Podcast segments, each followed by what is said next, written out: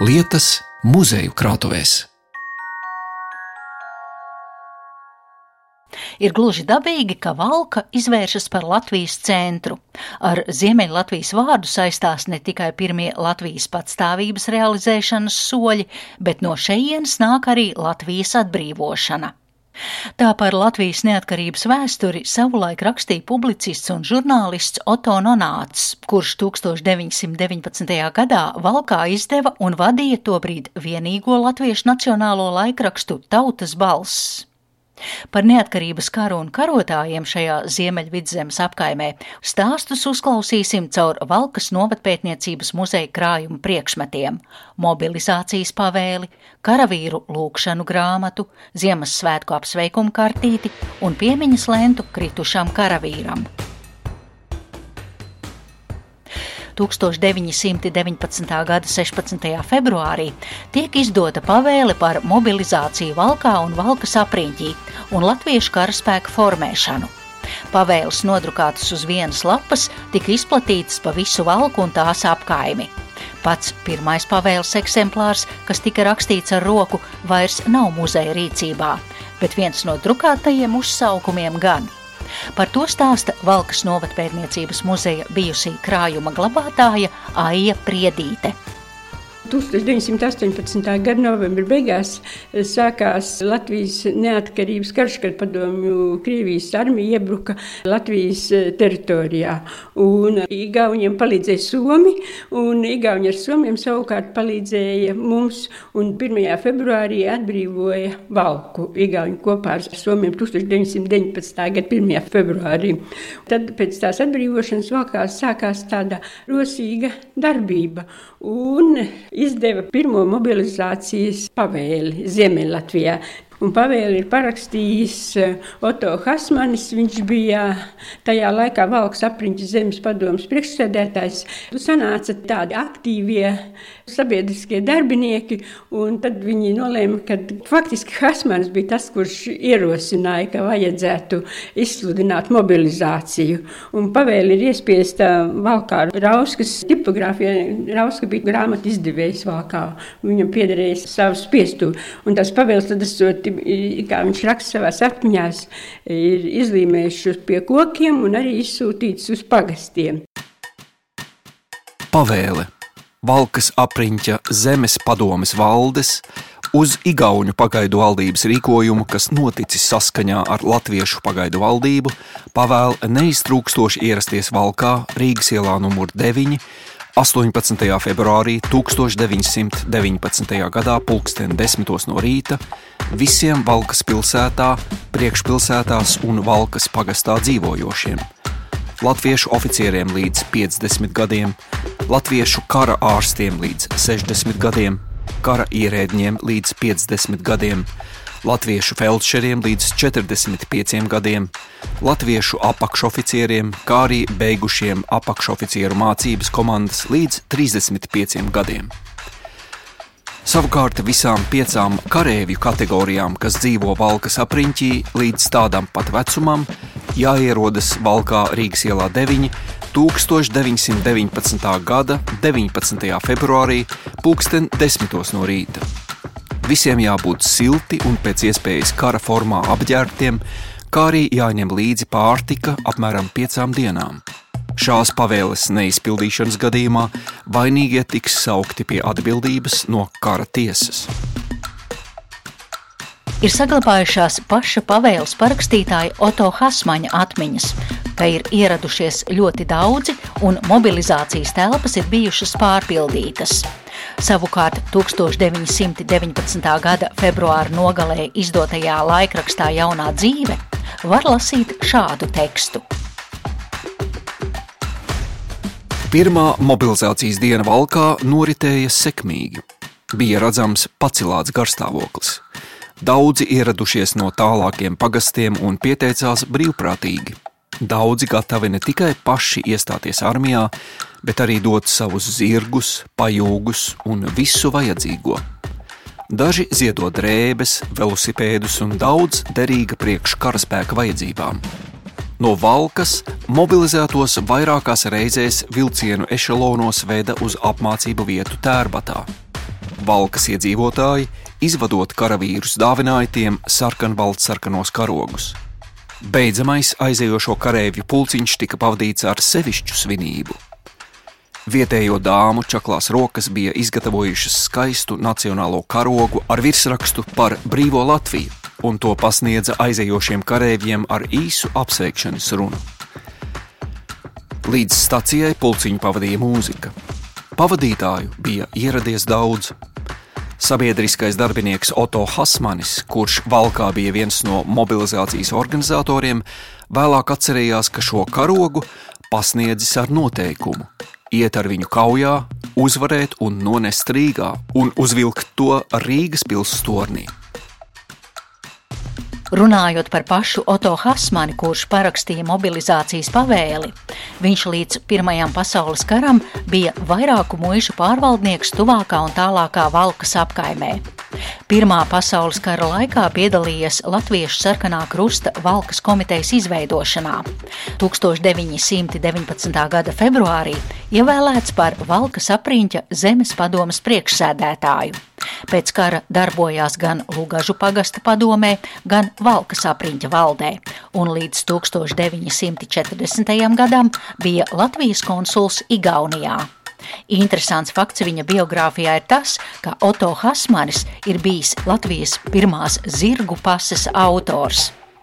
Sākoties Latvijas okupācijai, Hasmani izsūta, un Severa Urāļskas nometnē viņš mirst 1941. gadā.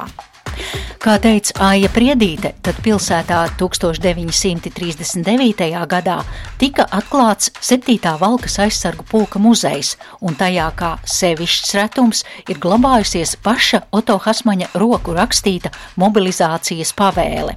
Diemžēl šī muzeja materiāli nav saglabājušies, jo tos iznīcināja pēc tam, kad 1944. gada 19. septembrī valkā ienāca sarkanā armija. Par 7. Valkas aizsargu pulka muzeja eksponātu likteni versijas ir dažādas. Vieni apgalvo, ka muzeja priekšā tika sakurts liels ugunskurs un tajā viss sadedzināts, citi, ka liela daļa priekšmetu ir aprakti. Ir uzskats, ka muzeja inventārs un liela daļa eksponātu ir izvazāti un salauzti.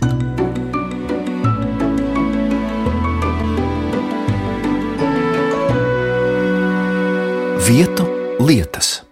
Nākamais priekšmets, ko bijusī krājuma glabātāja izliek apskatei, ir fotografija ar ļoti skrandainu audumu, kurā var pamanīt sarkanbalts sarkanas krāsu aprises, un līdzās viņa noliek šī grūti apjaušāmā priekšmeta restaurēto variantu.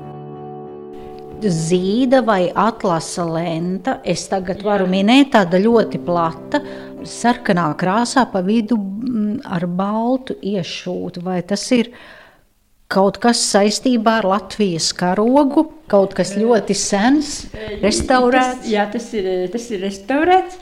Restaurēja Daira Līdaka, Rundāls pils restauratori, nu jau diemžēl mūžībā 2021. gadā. Vai, bet jūs man rādāt, kā, kā... Kāda lenta izskatījās, kad mēs to ieguvām. Lenta ir Hašpraškara ordeņa kavalieru Jūlija Baloža piemiņas zīme, un lentu 2008. gadā atrada Grunzāls pagasta augšņu mājās, mājas pamatos metāla kastītē. Un viņa atveda mums uz muzeju, tur tagadējās tās vietas īpašnieks, tur ir atpūtas komplekss trīs saliņas. Tie kompleksa īpašnieki, labi iekārtojot teritoriju, bija atraduši mājas pamatos, uzdūrušies tajā kastītē ar lentu. Un viņus nu, redzēja, ka tas ir kaut kas svarīgs, un atved mums uz muzeju. Un, un tad viņam bija tāda Nu, kā jau viņš bija Latvijas kara ordeņa kavalieris, un tajā laikā par to neviens jau padomu gados nerunāja. Nu, vai nu 40. gadā, diemžēl, nav vairs kam pajautāt, vai arī pēc kara beigām lenta ierakta zemē mājas pamatos, un tā tad viņa tur bija gulējusi daudz gadus tajā zemē ieraktajā metāla kastītē. Nu jā, fotografijā es redzu, tur bēdīgs paskats. Vispār pat jā. nevar pateikt, kas tas ir. Jā, jā, jā. un tur saglabājies tikai nu, pirmais, ceturtais, viņš Valmieras kainieku pulka, sestās rotas vecākam tam virsniekam. Tur pat īsti nevarēja izlasīt to vārdu, bet nu, tā kā es zināju, kad viņi te augšņupos dzīvoja tā Jūlija Baloža radinieki, un ka tā tad ir viņi, jo viņš piedalījās neatkarības karā un krita 1919. gada 21. novembrī pie Salgalas un ir apglabāts Aumeisteru kapos. Bet kad tad viņam piešķīra to?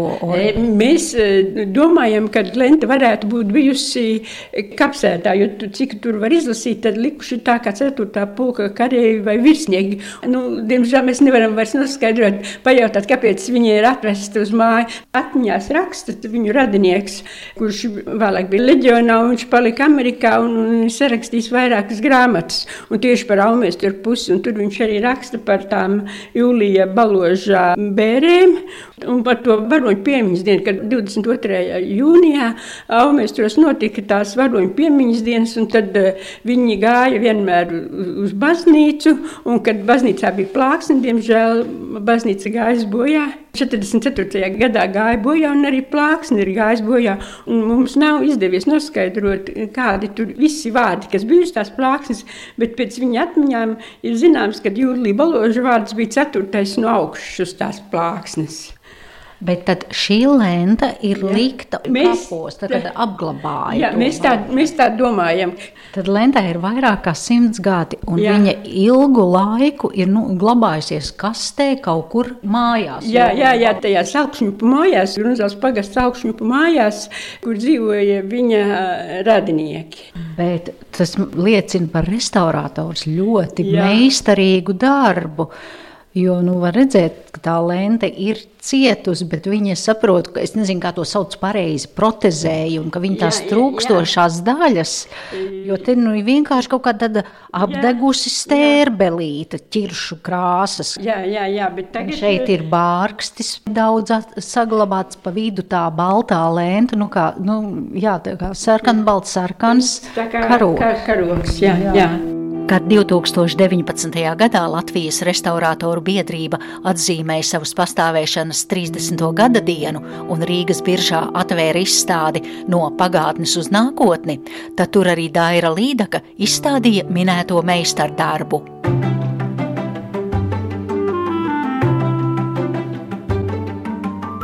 Vietu lietas Mīļo māte! Šodien esam uz vietas atpūtā vēl divas dienas, un tad ilgāk paliksim uz atpūtu. Novēlam jums visiem mājiniekiem priecīgus Ziemassvētkus! 16. decembrī Jūlis un Rihards. Tāds teksts ar zilu zīmoli ir rakstīts uz kartītes, ko savai mammai sūta brāļi Zīles, Jūlijs un Rihards, divi neatkarības kara dalībnieki un Lāčplēša ordeņa kavalieri divu brāļu, Jūlija un Riharda apsveikums mammai Ziemassvētkos dzimuši Palsmanas pagastā, un tas Jūlijas Zīle. Ir, ir kapteinis arī 4. valmijas kainieku pulku. Faktiski visi par, par 4. valmijas kainieku pulku, jo 4. valmijas kainieku pulks tas sākums bija šeit Valkā. Un Jūlijas Zīle bija tāds e, ļoti drošs, pārgalvīgs, brīžiem pat pārdrošs un izaicināja likteni. Un viņš veica 19. gada beigās un 20. gada sākumā vairākus tādus drosmīgus izlūgājienus. Bet, nu, diemžēl 1920. gada 22. jūnijā viņš atgriezoties no izlūgājiena pie Zilupes e, krita. Un šeit es skatos uz Jā. kartīti, kur ir eņģelis ar eglis zāru un vecā drukā rakstīts priecīgus Ziemassvētkus. Un Jā. to tad viņš ar brāli ir mam... mammai Karlīnai sūtījis. Interneta vietnē Latvijas kara ordeņa kavalieri varam lasīt, ka Jūlijas Zīle Latvijas armijā kā viens no pirmajiem ir iestājies 1919. gada februārī un rotas komandiera amatā piedalījies Valmieras kainieku pulka kaujās pret lieliniekiem vidzemē. Pēc tam cīņās pret bermontiešiem pie Rīgas un Zemgalē. 1919. gada 30. maijā vidzemē kopā ar 37 kareiviem pēc savas ierosmes vajādams bēgošos lieliniekus panāca tos pie silinieku ciemata uz Gulbenes Rēzeknes lielceļa un, neskatoties uz ienaidnieka pārspēku, sakāva to un saņēma apmēram 40 gūstekņus. Toskaitā lielinieku bataljona komandieri ieguva vienu smago un divus vieglos lielgabalus, ložmetēju, 50 zirgus un citas trofejas. 1920. gada 22. jūnijā, atgriezdamies no pārdroša nakts izlūgājiena aiz zilupes, niknā sadursmē ar ienaidnieka pārspēku pie Siņējas Nikolas kritis varoņa nāvē. Savukārt par brāli Rihardu ir teikts, ka 1919. gada 13. novembrī ar savu vadu stiprā ugunī viņš ir pirmais ielauzies Birzgals muižā zemgalē, izsitis no tās bermontiešus un ieguvis trīs ložmetējus.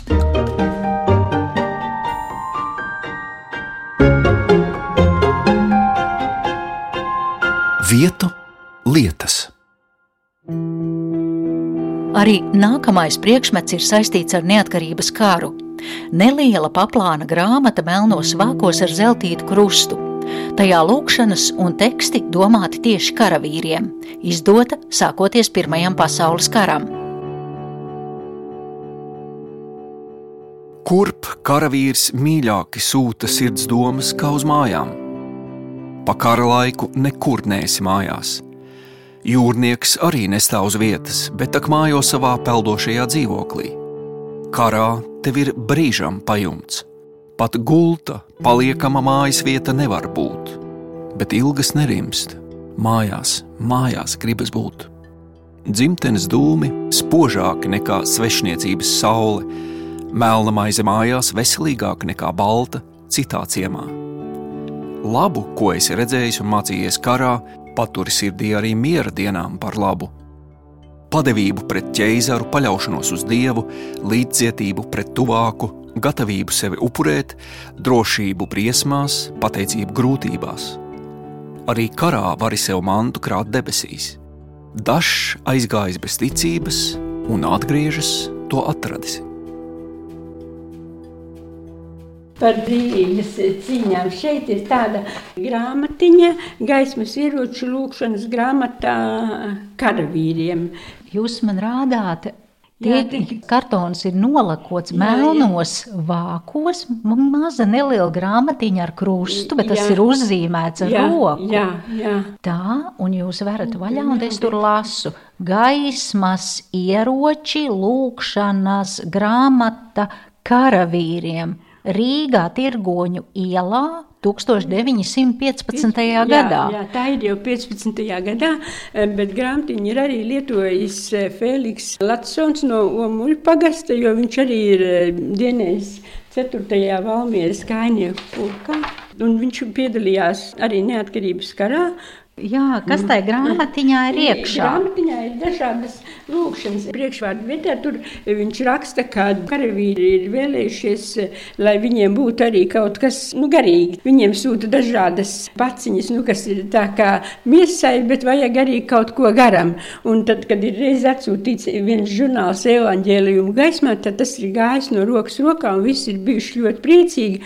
Tad pēc ir radusies tā doma sastādīt šo grāmatiņu. Ceļa lūkšana. Visu varenais Dievs, esmu nu kara ceļā, tālu prom no saviem mīļiem. Tev tēva sirds un spēka roka. Tavs spēks, lai nāk palīdzīgā manai vājībai. Palīdzi pildīt, ko zvērēju augstam kungam un ķēzaram Nikolajam II Aleksandram, lai es būtu viņam uzticīgs karavīrs, pat netaupot savu dzīvību līdz beidzamai asins lāsītei. Svētī viņu un viņa augsto dzimtu, dodi viņa karaspēkam uzvaru tēviju sargājot, palīdzi klausīt virsniekiem, skubini pakalpot biedriem un viņus aizstāvēt. Uzturi mani veselu, sargi dvēseli, kā nenoiemu no ceļa, savaldi prātu, ka neaizraujos nešķīstībā vai citā rupjā trakā būšanā. Piedodi man visus grēkus, dodi savu mieru, vadi savās debesīs. To lūdzos Jēzus vārdā. Impēriskās Krievijas ķēzara piesaukšana lūkšanu grāmatas lapusēs norāda to, ka tā ir izdota, kā jau minēju, Pirmā pasaules kara sākumā. Bet, kā teica Aija Priedīte, to neatkarības kara gaitās ir lietojis Arvīts Fēliks Latsons, kurš vēlāk Otrā pasaules kara nogalē, dodoties bēgļu gaitās, paņem šo grāmatu līdzi. Līdzās lūkšanu grāmatai Valkas muzeja krājumā glabājas plaukstas izmēra blociņš, kur lapiņas ir sašūtas kopā ar linu diegu. Tā ir paša Latsona rakstīta dienas grāmata par došanos bēgļu gaitās. Septembra pirmās dienās evakuēta Valka, daļa Lūgažu pagasta un Valkas pagastu. Fronte pie Valkas un pagasta Igaunijā aiz meža. Nepārtraukti kust kara rati dažādos virzienos. Katru dienu dzirdama smago ieroču dunoņa, un jo dienas jo tuvāki. Ivānu uzlidojumi paliek neatlaidīgāki. Esam gaisa cīņu tuvumā un apstāja rokas celties darbam, jo ar katru dienu stāvoklis paliek nopietnāks. Un viņš bija vēlāk arī Omuļu pagastā aizsargu priekšnieks, vēlāk arī e, pagasta vecākais. Un viņam tā dzīve izvērtās traģiski, jo, nu, kad 44. gadā devās bēgļu gaitās, tad viņi aizbrauca omulieši līdz Umurgai. Un tad viņi saprata, ka vācieši ir prom un padomju armija nāk iekšā, un par cik viņš bija aizsargs. Tad viņš, viņa brālis Asfalts un vēl trīs, viņi nolēma, ka viņiem ir jābēg, jo nu, 41. gads jau viņi jau bija pieredzējuši, kas notiek.